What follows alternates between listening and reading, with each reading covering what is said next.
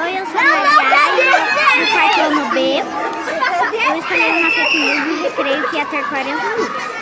Eu escolhi para 23 e pessoas e ela se espalhou para as pessoas se espalharam para, para outras 10.